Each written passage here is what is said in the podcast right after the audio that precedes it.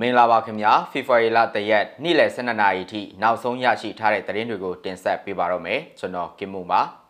တာမွေမြို့နယ်ရဲစခန်းအနီးမှာပောက်ကွဲမှုဖြစ်ပွားတဲ့သတင်းကနေမြို့မှာစစ်ကောင်စီရေရင်အုပ်စု၃ကြိမ်တိုက်ခိုက်ခံရပြီးစစ်သား30ထက်မနည်းတေဆုံးတဲ့သတင်းပလဲမြို့မွိတုံရွာကိုစစ်တပ်ကညအချိန်ပြေးသူပိုင်းနှိအိမ်တွေကိုမိရှုနေတဲ့သတင်းနဲ့ရန်ကုန်မြို့တာဂေတာဆောက်လုပ်ရေးမှတ်တိုင်အနီးအပြန်လန်ပစ်ခတ်မှုဖြစ်ပွားတဲ့သတင်း အစရှိတဲ့သတင်းတွေကိုတင်ဆက်ပေးသွားမှာပါ။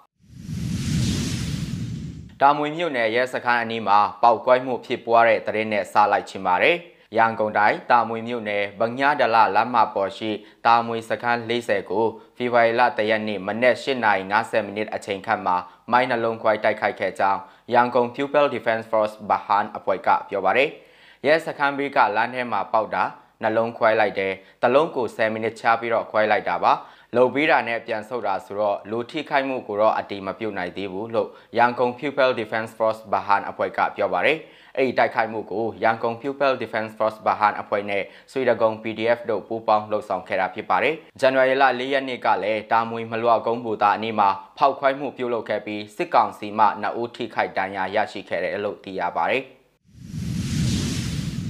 ကနေမြို့မှာစစ်ကောင်စီရေရင်အုပ်စု၃ကြိမ်တိုက်ခိုက်ခံရပြီးစစ်သား30ထက်မနည်းတည်ဆုံးတဲ့တရင်နဲ့ဆက်ချင်ပါတယ်။စကိုင်းတိုင်းကနေမြို့နယ်ကင်းရွာနဲ့အဲ့ဒီကြီးရွာအနီးမှာတပ်ချထားတဲ့အကြမ်းဖက်စစ်ကောင်စီရေရင်အုပ်စုကိုဒေသကာကွယ်ရေးတပ်ဖွဲ့တွေကဇန်နဝါရီလ31ရက်နေ့မှာဝိုင်ဝန်းတိုက်ခိုက်ခဲ့ပြီးစစ်သား30ထက်မနည်းတည်ဆုံးခဲ့ကြောင်း Pupil Defense Force ကနေတပ်ဖွဲ့မှသိရပါတယ်။အဆိုပါအကြမ်းဖက်စစ်ကောင်စီရေရင်အုပ်စုကိုမဟိုယာနဂါကနေ PDF တပ်ရင် ဒေသခံပြည်သူ့ကာကွယ်ရေးတပ်ဖွဲ့ MNK The Boys အဖွဲ့နဲ့မဟာမိတ်ညီနောင်တော်လိုင်းတပ်ဖွဲ့တွေကဝိုင်းဝန်းတိုက်ခိုက်ခဲ့တာဖြစ်ကြောင်းသိရပါတယ်။အဲ့လိုစစ်ရေးရင်အုပ်စုဝိုင်းဝန်းတိုက်ခိုက်ခံရခြင်းကြောင့်ဖလက်ခွန်နစီပြက်စီးခဲ့ပြီးစစ်သား30ထက်မနည်းတည်ဆုံခဲ့တာဖြစ်ကြောင်း Pupil Defense Force ကနေတပ်ဖွဲ့ကထုတ်ပြန်ထားပါတယ်ခင်ဗျာ။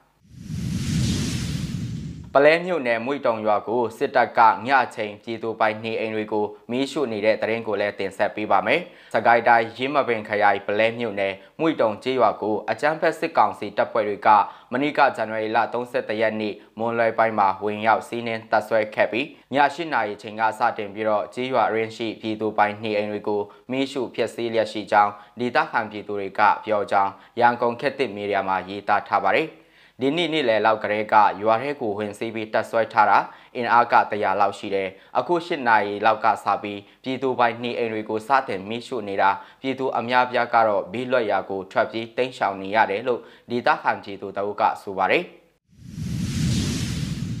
နောက်ဆုံးတင်ဆက်ပေးခြင်းတဲ့သတင်းတပုတ်ကတော့ရန်ကုန်မြို့တာဂီတာဆောက်လုပ်ရေးမှတ်တိုင်အနီးအပြန်လန်ပစ်ခတ်မှုများဖြစ်ပွားနေတဲ့သတင်းကိုတင်ဆက်ပေးပါမယ်။ ရန်ကုန်မြို့တာဂေတဆောက်လုပ်ရေးမှတ်တိုင်အနီးမှာတနက်နဲ့အပြန်လာပစ်ခတ်မှုတွေမနေ့ကဇန်နဝါရီလ31ရက်ည9:00နာရီကျော်မှစတင်ပြီးတော့ည10:00နာရီအချိန်ထိဖြစ်ပွားနေကြောင်းဒေသခံတွေကပြောပါတယ်။9:00နာရီကျော်ကလေးကပြစ်နေတာအခုချိန်ထိလည်းတနက်တန်တွေကြားနေတော့ပဲလို့ဒေသခံတအုပ်ကပြောပါတယ်။ဒါပြင်ည9နာရီခန့်ကအဆိုပါနေရာမှာဘုံပေါက်ကွဲတံတွေကြားခဲ့ရတယ်လို့သိရပါတယ်။မုံတန်ကအကျယ်ကြီးပဲအုံခနဲကြားရတယ်လို့ဒေတာခန်တို့ကပြောပါတယ်။ အဆိုပါတာဂေတာဆောက်လုပ်ရေးမှတ်တိုင်အနေနဲ့တိုင်းရင်းသားကြေးရွာအနီးမှာစစ်ကောင်စီတပ်များတပ်ဆွဲအထိုင်ချနေဒီမှာတလခန့်ရှိနေပြီဖြစ်ကြောင်းသိရပါတယ်။မီဇီမာရဲ့ဖေဖော်ဝါရီလတရက်နေ့လယ်12နာရီထိနောက်ဆုံးရရှိထားတဲ့သတင်းတွေကိုတင်ဆက်ပေးခဲ့တာပါမြန်မာပြည်သူတွေကိုစိတ်နှပြချမ်းမာချမ်းသာကြပါစေခင်ဗျာ။